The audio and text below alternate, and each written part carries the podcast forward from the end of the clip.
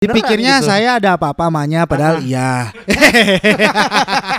Ini ada fun fact dari gua. Dulu tuh gua adalah bikin band dan isinya cuma pegawai-pegawai bokap gua. Lo sebandel apa sih dulu? Oh, bandel. Kalau mau bandel hal apa dulu? Tunggu sebentar. Eh, Trax FM Hits yang kamu suka. Barengan sama Jeffrey Nayuan dari Bukan Morning. Kali ini biasa kan gue berdua sama Davi Andri. Cuma hari ini dianya nggak bisa. Jadi sekarang gue kehadiran Rizky Febian. Yeay, yap yap yap yap, what up? Gila Rizky Febian menyempatkan hadir hari ini. Ya, Padahal habis siaran ya di Hard Rock ya. Betul sekali tentunya. Sempat siaran di Hard Rock terus langsung ke sini. Ya, ini kan Langsung. yang namanya adalah silaturahmi. Karena gue udah lama banget nggak datang ke Trax, jadi Ah. mungkin ini waktu yang tepat untuk bisa berbincang-bincang. Kapan terakhir kali lo ke Trax? Wah gila, deh kalau ditanya itu, kayaknya jujur gue terakhir ke sini mungkin dua tahun yang lalu. Apa yang membuat lo dua tahun yang lalu baru ke Trax? mulai nodong Eh, mulai Mulai nodong. nodong Mungkin dua tahun yang lalu karena pandemi. Iya karena pandemi Itu adalah Betul. jawaban paling aman Iya. Gara-gara pandemi kan kita karena datang pandemi. ya. Tapi kalau sekarang kan karena ada protokol kesehatan, jadi akhirnya kita boleh bisa berpergian gitu. Tapi gua mengucapkan selamat untuk Iki 2021 udah ngeluarin makna eh, eh, eh, eh, seperti kisah ya. seperti kisah. Seperti betul. kisah. Terus 2020 juga cukup Cu- produktif. Ya cuek, mantra, makna cinta. Ah, ah, ya, itu betul. juga udah muncul. Berarti kan lu produktif banget. Terus Amin. sekarang seminggu tiba-tiba siaran nih kan. lebih sebenarnya lebih ke mem- apa ya me- mencoba menolong sahabat sih karena tiba-tiba saat itu tiba Ki please tolongin gua karena gua gini gini gini gini ah sikat toh gitu Terus ada rencana mau jadi penyiar nggak? setelah gua mencoba seminggu Mm-mm. Cukup tertarik tapi ternyata susah juga Jangan jadi penyiar di Trax FM tapi jangan. ya enggak lah Takut. Lebih ketakut. tapi apa sih kunci suksesnya kunci sukses? Kenapa gue kayak lagi ngobrol sama Mario Teguh ya? asik Tapi apa apa sih yang membuat lo selalu produktif terus Ki? Apa yang biasa menjadikan eh, diri lo semangat gitu untuk produktif yang selalu lo ingatkan ke Ya, dalam oke. diri lo? apalagi dalam pandemi ya gitu Ah, ya ah, pandemi. mungkin ini bisa gini ya gue mau sharing juga gitu loh karena jujur ketika awal pandemi eh, melanda asik ketika pandemi menyerang kita ah. gitu karena kan pandemi itu kita dibikin shock sama mereka ya karena mereka datangan nggak assalamualaikum dulu ah. mereka nggak dapat tiba-tiba nyerang kita gitu ya nah jadi kayak jelangkung ya. benar dan waktu itu tiba-tiba seketika kayak cuman sejentik tangan doang tek kita langsung nggak bisa ngapa-ngapain Iya. dan yang pastinya juga banyak banget yang kena dampaknya pekerja seni semua bidang gitu dan saat itu adalah yang gue pikirkan adalah gini yang gue pikirin adalah gimana caranya justru gue memperlihatkan ke banyak orang justru ketika ada pandemi itu tuh bukan jadi alasan untuk kita jadi mager di rumah bukan karena alasan karena kerja di rumah terus akhirnya jadi seenaknya enggak justru waktunya buat kita lah para musisi menghibur untuk orang-orang di luar sana. Jadi saat itu yang gue pikirkan adalah jujur berawal dari kesedihan karena album gue nggak bisa kelar saat Ya. itu. Ya udahlah gue tinggalin album. Tapi setelah dipikir-pikir justru gue mikir gimana caranya justru menghibur orang-orang yang di rumah. Akhirnya gue lah kepikiran lah ide gula, ya apa ide gila gue. Ya udah, gue mikir hal apa nih kira-kira yang bisa bikin aware banyak orang saat itu. Oke, streaming film sama streaming lagu. Kemudian apa? Akhirnya gue bikin lah sebuah konsep yaitu akhirnya ada trilogi cinta cuek mantra Mm-mm. sama makna. Ya udah gue mikir gue bikin strateginya apa gimmick. Oke gue tarik A-nya aja yuk ya maunya ayo jadi. Jadi akhirnya ter- dan ternyata dengan nothing tulus, dung tiba-tiba yang di luar ekspektasi Iya. gue di era pandemi gue mengeluarkan eh, konsep itu dan ternyata dimakan dengan luar biasa gitu sama Dimakan orang-orang. sangat luar biasa kalau gue ngeliat komen-komen netizen kayaknya sampai kayak ngarep serius ya. Baper. Pada baper beneran Dipikirnya gitu. saya ada apa-apa amanya padahal iya. Oh ternyata emang ada apa-apa. Nanti Lambe Tura kalau mau lengkapnya bisa ya. Ya, boleh diklip kok ini dipotong, boleh. Silakan. Saya udah kebal kalau itu. Netizen kan selalu Iya, begitu iya, ya. Iya, benar. Tapi sebenarnya fans lo pasti kan pengen banget tahu Ki ya sebenarnya apa aja yang lo lakukan di hidup lo selama pandemi ini. Maksudnya Oke. keseharian lo ya. Maksudnya Jujur, selain nyanyi, Oke. kan netizen pasti tahu nih kayak oh fans fans lo, oh ya Iki nyanyi. Tapi selain itu apa sih? jujur sebenarnya gue tuh kayak diberikan obat gitu ketika pandemi datang. Maksudnya obat penghibur gue ya. Karena sebelum pandemi datang, gue tiba-tiba ada keinginan untuk ngurus kucing kan. Terus gue beli kucing, terus tiba-tiba pas ada kucing langsung tuh pandemi. Jadi kayak seakan-akan gue diberikan kehidupan baru. Jadi kayak pas ada pandemi ya biasa yang kalau awal-awal beli diurus kan dulu kan gitu biasanya. Ngurus kucing dulu tuh. Terus abis itu gue akhirnya dapat eh, pelajaran baru tuh kayak misalkan akhirnya kita mau nggak mau eh, melakukan eh, apa sesuatu hal yang gimana caranya tetap bisa bikin aware banyak orang. Salah satunya dulu lagi rame-ramenya kolaborasi musisi. Kita bikin bener kan kita bikin di feed eh, Instagram kolaborasi antara eh, musisi antara pemusik dan penyanyi kita collabs terus eh, bikin charity terus gue waktu itu berusaha untuk bikin kegiatan gimana caranya bermanfaat karena waktu itu gue berpikir kayak gini di era pandemi adalah bukan yang dipikirkan eh, malas-malasan tapi gimana caranya hal kebaikan apa yang udah lu, lu lakukan kepada orang banyak saat itu Ngobrol sama Iki tertampar aku tuh.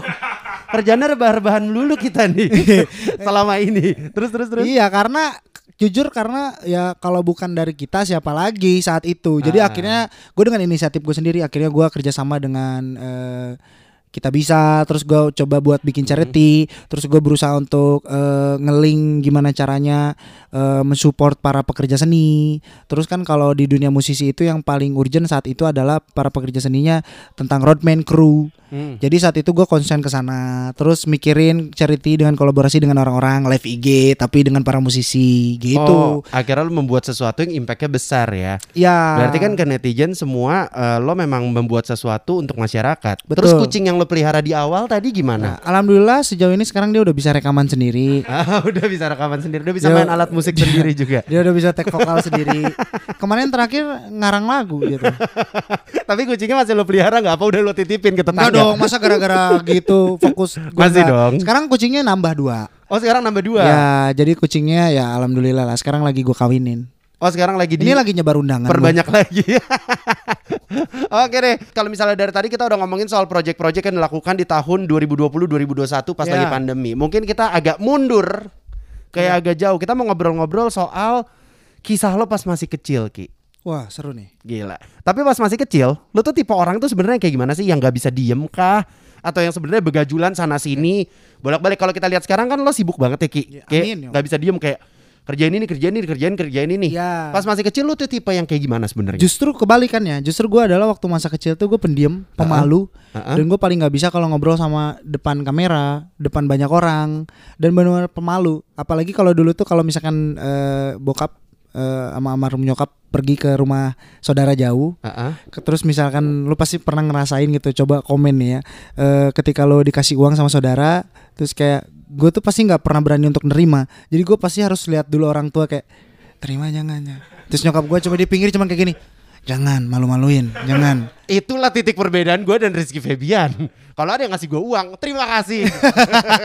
Tapi gue dari dulu se- sepemalu itu. Sepemalu Bahkan nih ada fun fact dari gue. Dulu tuh gue adalah bikin band dan isinya cuma pegawai-pegawai bokap gue. Oh, dan gitu? kita bikin festival di kampung karena gue tinggal di Cicalengka di daerah Cicalengka. Dan gue eh, ikutan festival di situ gue main gitar. Terus gue eh, coba untuk nyanyi di festival selanjutnya. Dan lu tahu apa yang terjadi? Apa? ya? vokalisnya hilang Guanya hilang, gue nyanyi di belakang son. gue begini di belakang son nyanyi. Saking malunya. Tapi ini sumpah, tapi ini sumpah. Tapi semuanya dengan berjalannya waktu eh, yang memicu gua bisa sampai segininya adalah yaitu dengan prosesnya pendewasaan gua dari masa kecil gitu ya. Terus gua melihat eh, salah satu orang yang berjasa buat gua adalah bokap gue sendiri karena gua ngelihat proses dan perjuangannya. Terus juga yang ngebuat kayak gua kayak gini jujur karena radio juga karena dulu bokap gua tuh bikin satu frekuensi radio yang memang dibuat khusus untuk fansnya jadi untuk fansnya yang ada di Taiwan Ah. Singapura China kayak gitu-gitu Diputerin lagu lo di sana. di- dulu kan belum ada dong Oh, ini sebelum lo. gua kesemburan cinta Oh masih jauh banget berarti. masih belasan Terus terus terus. pokoknya gua waktu itu masih kecil bener-bener Mhm. dan dari situ walaupun tanpa kita sadari saat itu gue gue pikir apaan sih si ayah bikin kayak begini-begini gak jelas gitu ya tapi tanpa kita sadari ternyata di situlah gue belajar public public speaking yang bener tuh di situ Oh lo siaran tuh di situ waktu Iya, itu. gue jadi announcer. Gue ada jadwalnya jam segini harus iki yang ini. Karena kan bokap gue dulu announcer kan di Bandung. Ah. Jadi gue bener-bener diajarin hal-hal kayak gitu. Tanpa gue sadarin tuh. Dulu mah ya karena anak kecil gue enjoy-enjoy aja. Ya dan karena mungkin gue punya referensi karena waktu kecil nonton radio, eh, dengerin radio siapa. Terus akhirnya gue Ah. coba eh, impersonate si announcernya. Terus gue kayak coba openingnya ininya. Dengan secara nggak langsung itu tuh gue malah menambah kepercayaan diri gue dan ya gini public speaking gue belajarnya dari situ. Gitu. Oh gue kira bokap lo bikin kan radio lo sekalian disuruh nyanyi juga karena lo suka nyanyi gitu. Tapi kan Juga karena ada. memang ada part kayak gitu, ada segmennya di mana kayak gua eh, itu yang ngebuat akhirnya gue memberanikan diri nyiptain lagu ya karena di situ kadang gue suka nge-challenge diri gue sendiri kayak misalkan ada segmen di mana request lagu, Ah, gue ah. gitaran terus kalau enggak kadang lagunya gue mashup, terus Ah, kadang gue medleyin ataupun ada coba lu bikin satu buah tema, gue yang bikin gue bikin ceritanya kayak gitu jadi di situlah gue banyak belajar gue ngeliatin ayah bikin lagu dari situ banyak banget Oh belajar dari situ memang berarti dari radio lo belajar banyak ya. iya Tapi kalau ngomongin bandel-bandelan Ki, lo sebandel apa sih dulu? Oh, bandel kalau mau bandel hal apa dulu nih Tunggu sebentar. Eh. Umur belasan nih bandelnya kayaknya segitu-segitu aja. Oh, iya, Atau iya. ada yang nggak diketahui? oh iya ya mau ngomong ayah gue nonton tapi kalau gue sama ayah santai gue Oh, gitu? gue open banget bokap gue mah gini banget sama gue Oh lu bestie banget berarti ya? ya, ya gini aja doang maksudnya Berarti tetap ada yang nggak tahu Iya. kan? Tetap ada yang dirahasiakan. Ya, tapi nggak pak bandel pada umumnya karena dulu kan waktu umur belasan gue homeschooling. Ah, ah. Paling kayak misalkan gue nggak pernah belajar. Jadi gue tuh sama sangat ini gue kalau gue jujur-jujuran, gue kalau untuk untuk akademis gue memang drop lah ya. Ah, Makanya gue tuh sama sangat bersyukur sama yang di atas karena gue diberikan anugerah bisa nyanyi. Coba lu bayangin kalau gue nggak bisa nyanyi, coba lu. Mungkin gue nggak tahu hari ini ngapain gitu. jadi paling ngurusin dipanggil bos terus sih. Ya, paling- bolak-balik, paling bolak-balik. kayak gitu coba. Akhirnya akhirnya yang membuat gua memberanikan diri ya karena gue bisa nyanyi gitu. Dan dulu waktu bandelnya tuh kayak gini contoh misalkan homeschooling nih. Gue kalau gue tuh gurunya yang datang ke rumah kan. Jadi dulu datang ke rumah gurunya terus kayak iki bangun katanya. Udah gue belajar. Coba rangkum baca dulu bab 1 sampai bab sekian ya ini gue tidur gini gue Hmm. tidur nih dia tutup buku nih gue tidur. Atau enggak gue bilang bu saya izin ke toilet bentar pipis ya. Itu berjam-jam sampai ibunya balik tuh sampai punung sampai keselnya ibunya tuh jadi kalau ngebangunin gue sampai gini bukan nanya lagi Ki ayo sekolah nggak kayak Ki hari ini sekolah atau enggak? kata Kirain bakal disembur, tapi nggak ada kan? enggak Nggak tapi pernah kalau disembur. saking capeknya ibu jadi gini udah bilang aja nih lu mau sekolah atau kagak katanya ibunya juga udah bodo, bodo amat Dikasih kayak pilihan. ibunya udah bodo Tapi amat balik sedikit kita ngomongin soal awal karir lo ya. Ya, iya. Kalau gue denger, gue sempet denger interview lo Ki. ya ya ya Eh, kesempurnaan cinta ini mengalami proses yang sangat sulit. banget Lo waktu itu sempet yang kayak ngelempar demo ya. Yoi. gue, gue, gue sempet denger cerita lo ngelempar demo, orangnya sempet memberi acu tak acu gitu. Yoi. Itu kan mengalami berbagai macam proses ya. Ya. Tapi sebenarnya apa sih sebenarnya eh, di balik lagu kesempurnaan cinta? Gim- kenapa bisa tiba-tiba kayak, eh gue bikin ah lagu kayak gini Oke. gitu? semuanya nih gua gue ingetin ya ini adalah pelajaran hidup yang sangat luar biasa Heeh. kenapa gue bisa ada di titik ini adalah karena satu hal doa dari orang tua dan yang terpenting adalah gimana caranya kita nggak pernah nyakitin orang tua menghargai orang tua dan tetap patuh sama orang tua karena saat itu gue sedang ada di fase terpuruk dan saat itu juga yang membangkitkan gue adalah doa-doa dari orang tua. Dan tiba-tiba saat itu nggak ada angin nggak ada apa tiba-tiba nyokap datang bokap datang dan bilang kayak gini udah sabar semua itu pasti ada perjalanannya. Tunggu aja awal 2015 semuanya bakal baik-baik aja. Mungkin itu adalah awal karir AA. ya gua aminin doa orang tua. Pas banget di 2015 gua yang nggak belajar musik gua yang nggak tahu cara teknik nyanyi yang benar seperti apa tiba-tiba keluar kesempurnaan cinta.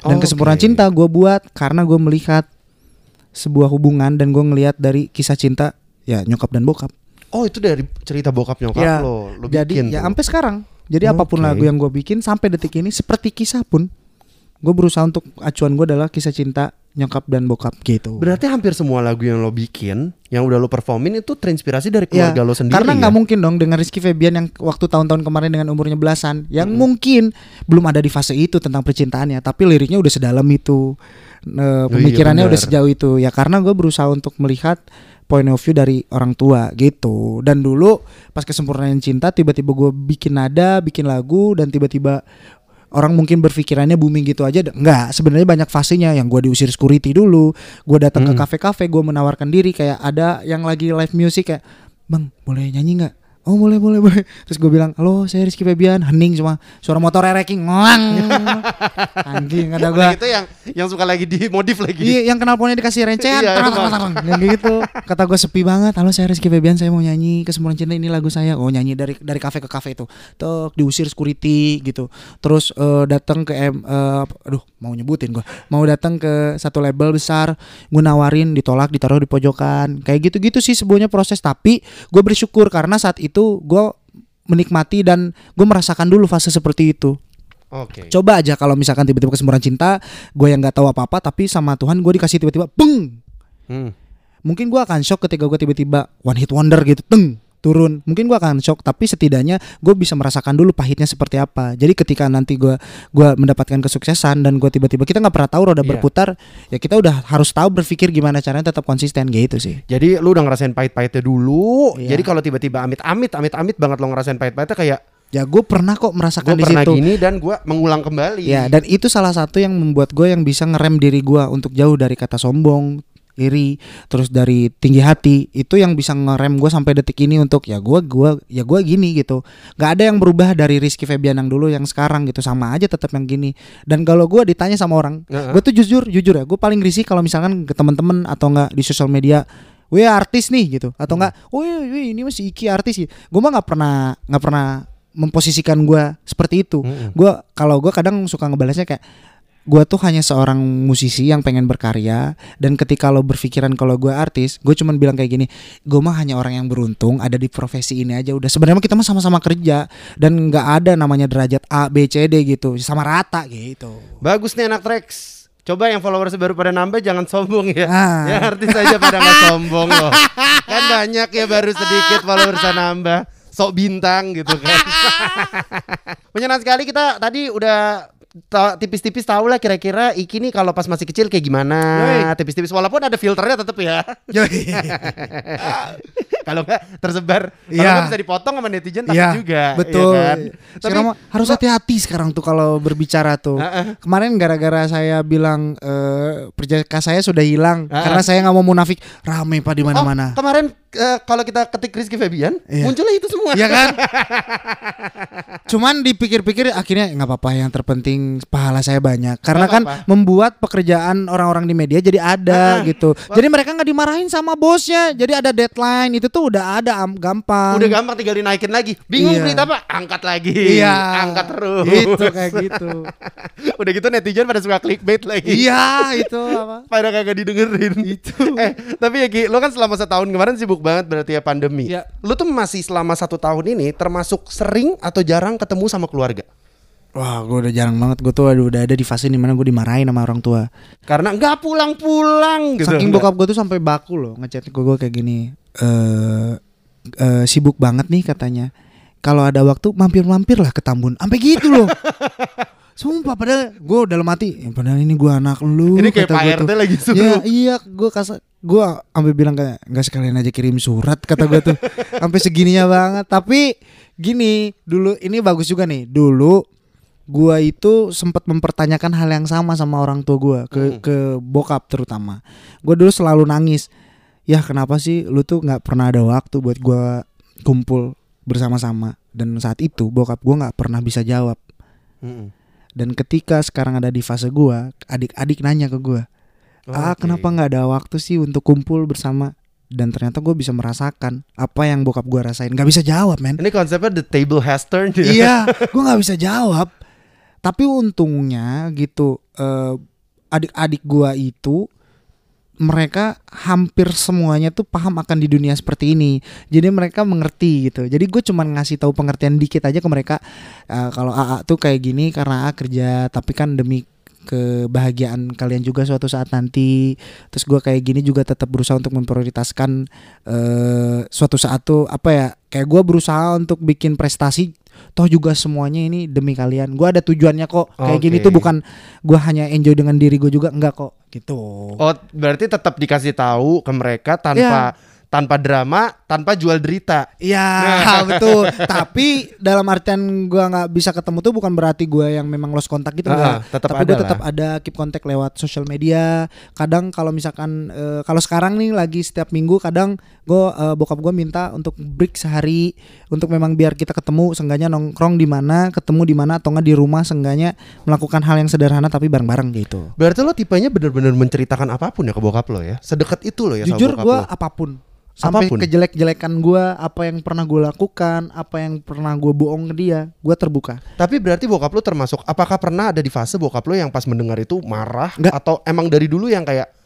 mendengarkan ngomong Bokap banget? gue itu kenapa melakukan hal seperti ini ke gue karena dia saat kecil pernah melakukan hal yang eh, pernah dilakukan yang sangat men- apa pernah apa ya pernah ada di fase yang menderita karena perlakuan orang tuanya Mm-mm. mendidik dia karena kan kalau zaman dulu kan ketat banget Iya, iya keras. dan mungkin bokap gue berpikiran bahwa ketika lu dikerasin justru anak itu malah makin bandel untuk ingin mencoba dan Mm-mm. ingin melakukan hal bandel apa pun. Jadi justru kalau menurut gue gue mah sangat setuju dengan eh, proses dan juga cara bokap gue mendidik anaknya. Mm-mm. Bokap gue membebaskan apa pun Asalkan asalkan apa pun yang lu pilih itu tanggung jawab lu. Enak ataupun enggaknya lu yang ngerasain dan ketika lu udah ngerasain gak enak ya lu harus tanggung jawab gitu. Oke. Dan bokap gue adalah tipikal orang yang sok apa pun kita cerita apa pun itu gitu. Yang penting bokap tuh ngasih batasan kayak misalkan contoh gue kayak Mm-mm. Ki kalau dulu nih masih belasan umur kalau lu mau ngerokok silahkan Mm-mm. kalau lu mau minum-minum silahkan asalkan tolong jangan drugs asalkan jangan narkoba apa pun itu dan itu tuh nempel sampai sekarang dan itulah yang membuat gue akhirnya menahan bahwa Iya, justru bener. dibebasin kita jadi ada rasa nggak enak dan kita Bener. malah jadi rasa ada Bener. tanggung jawab gitu Bener, pesan-pesan orang tua selalu cuma simple ya. ya Jangan narkoba, jangan hamil. ya eh kok hamil? Kan kita nggak bisa hamil ya. Jangan Jangan- hamil anak jangan orang. ngambilin orang. Itu Gitu. bener. Kayak gitu. Tapi Ki, eh, lo dengan bokap lo, lo dengan lo yang sibuk banget sekarang, lo jarang balik, lo pernah gak sih kayak balik dengan kayak mumet banget bawa masalah gitu? Kayak lo jadi emosional di rumah tuh pernah gak sih Ki? jujur kalau gue sampai detik ini gue nggak pernah eh, curhat tentang apa yang gue alamin. Heeh. paling kalau gue terbuka tuh dengan apa yang gue lakuin gitu. Tapi kalau misalnya gue lagi ada apa kalau gue lagi kepikiran apa pun gue sama sekali nggak pernah cerita. Karena Oke. gue tahu sesusah apa pekerjaan bokap gue gue tahu sebeban apa dan sesulit apa pekerjaan bokap gue untuk menghibur banyak orang. Dan gue mempunyai pemikiran bahwa gue nggak mau memberikan beban walaupun sedikit tapi itu tuh beban buat buat bokap gue jadi gue lebih baik tunggu timing kalau sama bokap gue tuh Oke. jadi gue kalau mau cerita apa pun tuh gue kayak nunggu kayak oke kayaknya nih bokap gue lagi enak buat diajak ngobrol. Oke, Iya. gue masukin pelan-pelan. Akhirnya dia welcome. Baru cerita. bukan tipikal yang ya gue gini gini gini gue gue mau gini gini enggak gue tipikal orang jadi gue adalah tipikal orang yang kalau mau ingin menyampaikan sesuatu hal gue pasti harus memikirkan dua kali karena kan kalau kita menyampaikannya langsung gue takutnya itu menyinggung ngecewain nyakitin Mm-mm. jadi gue pasti orangnya tipikal gue tipikal orang yang muter-muter kalau ngomong Oh gitu. muter-muter karena lo ada perasaan gak enakin lo Ya, tetap memikirkan perasaan sambil orang yang mau lo ya curhatin. sambil membeja sifat kayak oh kayaknya si ini enaknya dibawanya ke sini biar nggak kesinggung gitu. Tapi kalau misalnya lihat eh, namanya kita di keluarga pasti pernah ya Ki eh, ribut lah sama siapa pun, entah bokap, Betul. entah sama hal saudara wajar lah dalam keluarga kalau misalkan Pasti. ada percekcokan dan gue juga nggak mau nafik gue pernah ada di fase di mana gue diem dieman sama bokap Mm-mm. ada di fase di mana gue eh, beda paham bener terus beda pemikiran ya itu hal wajar lah Tapi gimana cara lu biasa balikin suasananya sih ice break ice breaking kayak lagi MC nih. Tapi balikin suasananya misalnya kayak abis ribut entah sama adik-adik lo. Oke. untungnya gue bokap gue dan adik-adik adalah tipikal orang yang kalau marahan nggak bisa lama. Mm-mm. dan gue tuh tipikal orang yang bukan dendam gitu kalau masalah apa apa jadi kalau misalkan gue marah sama satu hal ya udah hanya seketika. Setelah dari situ justru gue yang beban gimana caranya juga bikin mood itu orang baik lagi gitu. Karena gue tipikal orang yang gimana caranya tuh menjaga mood suasana tuh tetap enak gitu kalau gue pribadi. Jadi Oke. kalau sekalipun gue marahan sama bokap misalnya gue marah nih gue pernah marahan sampai teleponan wah sampai kasar-kasaran lah kita berdua ya. Maksudnya dalam artian bersih tegang banget. Mm-mm. terus akhirnya cuma beberapa menit terus akhirnya kayak ya sorry ya tadi kalau aku kayak gitu. Oke. gue tuh masih tetap mikirin dosa gitu kalau pun kayak gitu anjir. Tapi ada nggak? Pulang-pulang bawa martabak gitu. Ka- kalau kalau bokap gua nggak kayak gitu. Nggak gitu caranya. kalau kalau gue tuh yang penting ya maaf ya kayak gitu gitu gitu. Terus pas ketemu paling masih diem dieman terus abis itu baru cair lagi. Kadang gue yang ngawalin kadang dia kayak ini lihat ini dulu baru cair kayak gitu Oh suasananya berarti ya. Iya, gue lebih berusaha untuk mainin suasana dan gimana caranya berusaha untuk memanfaatkan momen aja karena kan ketemu jarang dan gue berusaha untuk meminimalisir eh, hal-hal yang ngebuat bokap gue marah atau apa pun itu. Berarti lo emang beneran cuma curhat kebanyakan sama bokap kah? Atau kalau teman-teman lo termasuk terbuka tertutup Ki orangnya? Gue tertutup. Ini jarang gue ceritain. Jadi gue adalah tipikal orang yang berusaha untuk mendem apa pun itu. Jadi Oke. ketika bangun pagi yang gue lakukan adalah gimana caranya gue membahagiakan orang banyak, menjaga mood sekitar. Gue berusaha untuk menjadi melakukan hal-hal baik yang gue gue bisa lakuin. Tidur eh, menjelang malam gue merenung lah. Jadi tempat gue merenung, memikirkan, dapetin ilham, lagu apa pun itu di kamar Oh, Di kamar bener-bener semuanya gua tipi- ya. gua kayak gitu jadi ketika ada apa pun tuh gua nggak mau ngeliatin ke banyak orang. Jadi ketika oke gue punya masalah ini ya udah gue renungin gue pikirin gue cari tahu apa yang harus gua jalanin. Kadang gue mikir oke gue sekarang nyanyi cuman gua nggak tahu besok lusa nanti gue bakal jadi apa. Bangun tidur ya gue gimana caranya untuk membahagiakan orang lain. Karena kebahagiaan gue adalah ketika gue bisa melihat orang-orang di sekitar gue bahagia ya itu udah jadi sebuah kebahagiaan gitu. Anjir! Mantap. Gila. Keren ya. Kayaknya gue mendingan gak usah tidur mulu ya. Pinter gue. Oh kalau nggak tidur malah Iya. bijak ya. Kenapa ya? Lu kayak bisa jadi motivator Diki. kalau ternyata nggak jadi penyanyi, terjawab sekarang. Iya ya, keren ya. Iya kan? Iki, eh, coba dari tadi kita udah ngomongin soal keluarga. Eh, eh, hubungan lo dengan keluarga lo dengan adik-adik lo dengan bokap lo ya. Tapi ada nggak sih sebenarnya satu hal pencapaian sampai sekarang belum lo lakukan untuk keluarga lo yang kayak bucket list lah bucket list kayak uh harus banget nih gitu misalnya. Banyak banget. Ada ada ada mungkin boleh di share buat anak tracks. Eh, Oke, eh, mungkin banyak banget ya. Gua belum bisa. Mungkin kalau di luar sana banyak yang bilang bahwa oh Rizky Febian udah sukses lah segini mah Rizky Febian enggak. Karena titik sukses yang gue harapkan adalah ketika nanti ketika gue sudah tidak ada tapi karya gue masih berkumandang itu Mm-mm. adalah titik sukses untuk gue dan banyak banget yang harus gue kejar contoh gue masih banyak saudara-saudara yang harus gue bantu gue masih banyak eh, hal-hal yang gue pengen banggakan eh bikin gue bangga eh bikin keluarga gue bangga terus juga banyak eh, hal yang nggak bisa gue jawab dan karena itu sebuah tanggung jawab gue Mm-mm. yang memang coba gue build up sampai sekarang terus juga intinya gue berusaha untuk gimana caranya bisa jadi orang yang bermanfaat untuk banyak orang Gila. A- apalagi kalau di dunia musiknya gue pengen gimana caranya suatu saat ya Mm-mm. pengen mungkin jadi penulis lagu untuk banyak orang mengangkat para musisi-musisi yang mungkin sulit untuk mempunyai wadah nantinya. Mm. terus menjadi ada di belakang layar nantinya. Ya intinya gimana caranya tetap ada di bidang yang memang gue cintai sih gitu. Tapi emang bener sih banyak banget kayaknya eh, teman-teman ya netizen anak tracks juga ya yang kayaknya kalau mau bikin apa-apa lupa kalau sebenarnya poinnya untuk orang lain gak sih? iya Bermanfaatnya itu yang sebenarnya orang suka lupa. Iya. Jadi pikir cuma tenar, tenar, tenar, tenar gitu Iya, kan. iya. Gak mikirin manfaatnya buat orang banyak. betul Tapi eh, men- mendengar cerita lo ya Ki, maksudnya ternyata lo untuk memulai proses lo menjadi seorang Rizky Febian yang sekarang mengalami banyak sekali proses betul yang kayak tadilah sempat diusir satpam kan? bener Pas lo lagi showcase kesempurnaan cinta berarti ya? Iya, betul terus ngirim demo ke mana-mana terus tiba-tiba kayak ada yang acu tak acu gitu gitu Iya. mungkin ada pesan-pesan gak sih buat anak tracks yang pengen mencoba berkarya tapi aduh kebanyakan gak Oke. pede-nya gitu kayak aduh aku nggak Oke. pede nih Makanya justru di sini tuh eh, mungkin gue bukan ngasih motivasi ataupun ngasih saran karena kita Uh-uh. sama-sama musisi gitu ya. Tapi gue cuman pengen ngeliatin bahwa di setiap proses itu tidak akan membohongi sebuah hasil gitu loh. Jadi kayak kalau kita berproses, kalau kita memang niat, intinya kita bermimpi karena nggak ada salahnya gitu. Kalau kita bermimpi, yang terpenting kita harus tahu dulu. Kalau kita ingin bermimpi kan ada proses dulu, tidur dulu. Mm-mm. Ya, baca doa tidur dulu. Bener nggak? bener-bener Kalau itu diistilah diistilahkan adalah jadi kalau kita ingin meraih sebuah mimpi, jadi kita tuh pasti harus bisa melewati fase-fase dulu gitu kalau menurut gua. Dan buat orang anak anak-anak di luar sana yang terpenting adalah kita harus fokus di satu bidang dulu. Terus kita juga punya niat, terus yang terpenting adalah gimana caranya eh, kita mengembangkan bakat yang kita punya. Salah satunya adalah ketika kita merasa ada kekurangan dalam diri kita, justru kita gali gimana caranya kekurangan itu jadi sebuah ciri khas dan jadi sebuah kelebihan buat lu gitu. gila tuh bener nih anak tracks ikutin Ya kan? kata Rizky Febian harus tidur tapi bukan kebanyakan tidur Iya Ya, benar. kan orang suka kelupaan Betul. jadi kebanyakan kan Iya, kayak saya jadi kurang tidur jadinya.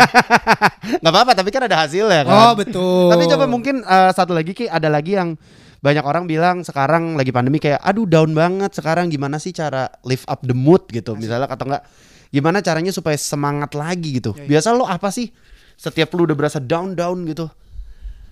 gua itu tipikal orang yang cepet simpatik sama orang. Mm-mm. Gua cepet terharu sama orang. Mm-mm. Gue tuh orangnya baperan banget. Jadi ketika melihat orang eh, video, foto yang membuat gua haru tuh gue tuh cepet tersentuh gitu orang gue. Ah, ah. Jadi ketika mood gua uh, down, hal yang membuat gua bisa up lagi adalah gua berusaha untuk memikirkan proses dan fase-fase di mana ketika gua sulit untuk ada di titik ini.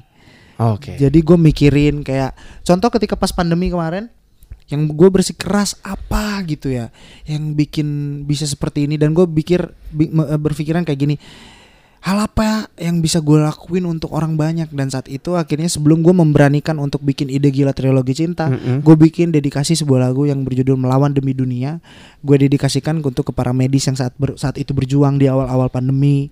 Ya ya hal-hal seperti itulah yang ngebuat gue akhirnya bisa bangkit lagi karena gue melihat banyak sosok di luar sana yang banyak eh sorry karena gue melihat banyak sosok di luar sana juga yang mempunyai niatan baik untuk bisa berperilaku baik banyak apa kepada banyak orang. Oke. Jadi ketika pandemi terus banyak orang yang bikin charity, itu kan ngebuat kita tertantang dan Mm-mm. membuat hati kita kayak wah Ayo kita bisa bikin apa mereka juga aja ya. bisa seniat ini. Yuk Mm-mm. kita kalau bukan dari kita siapa lagi? Apalagi kita para public figure menjadi trendsetter untuk jadi tre- ref- banyak eh, untuk jadi referensi banyak orang. Mm-mm.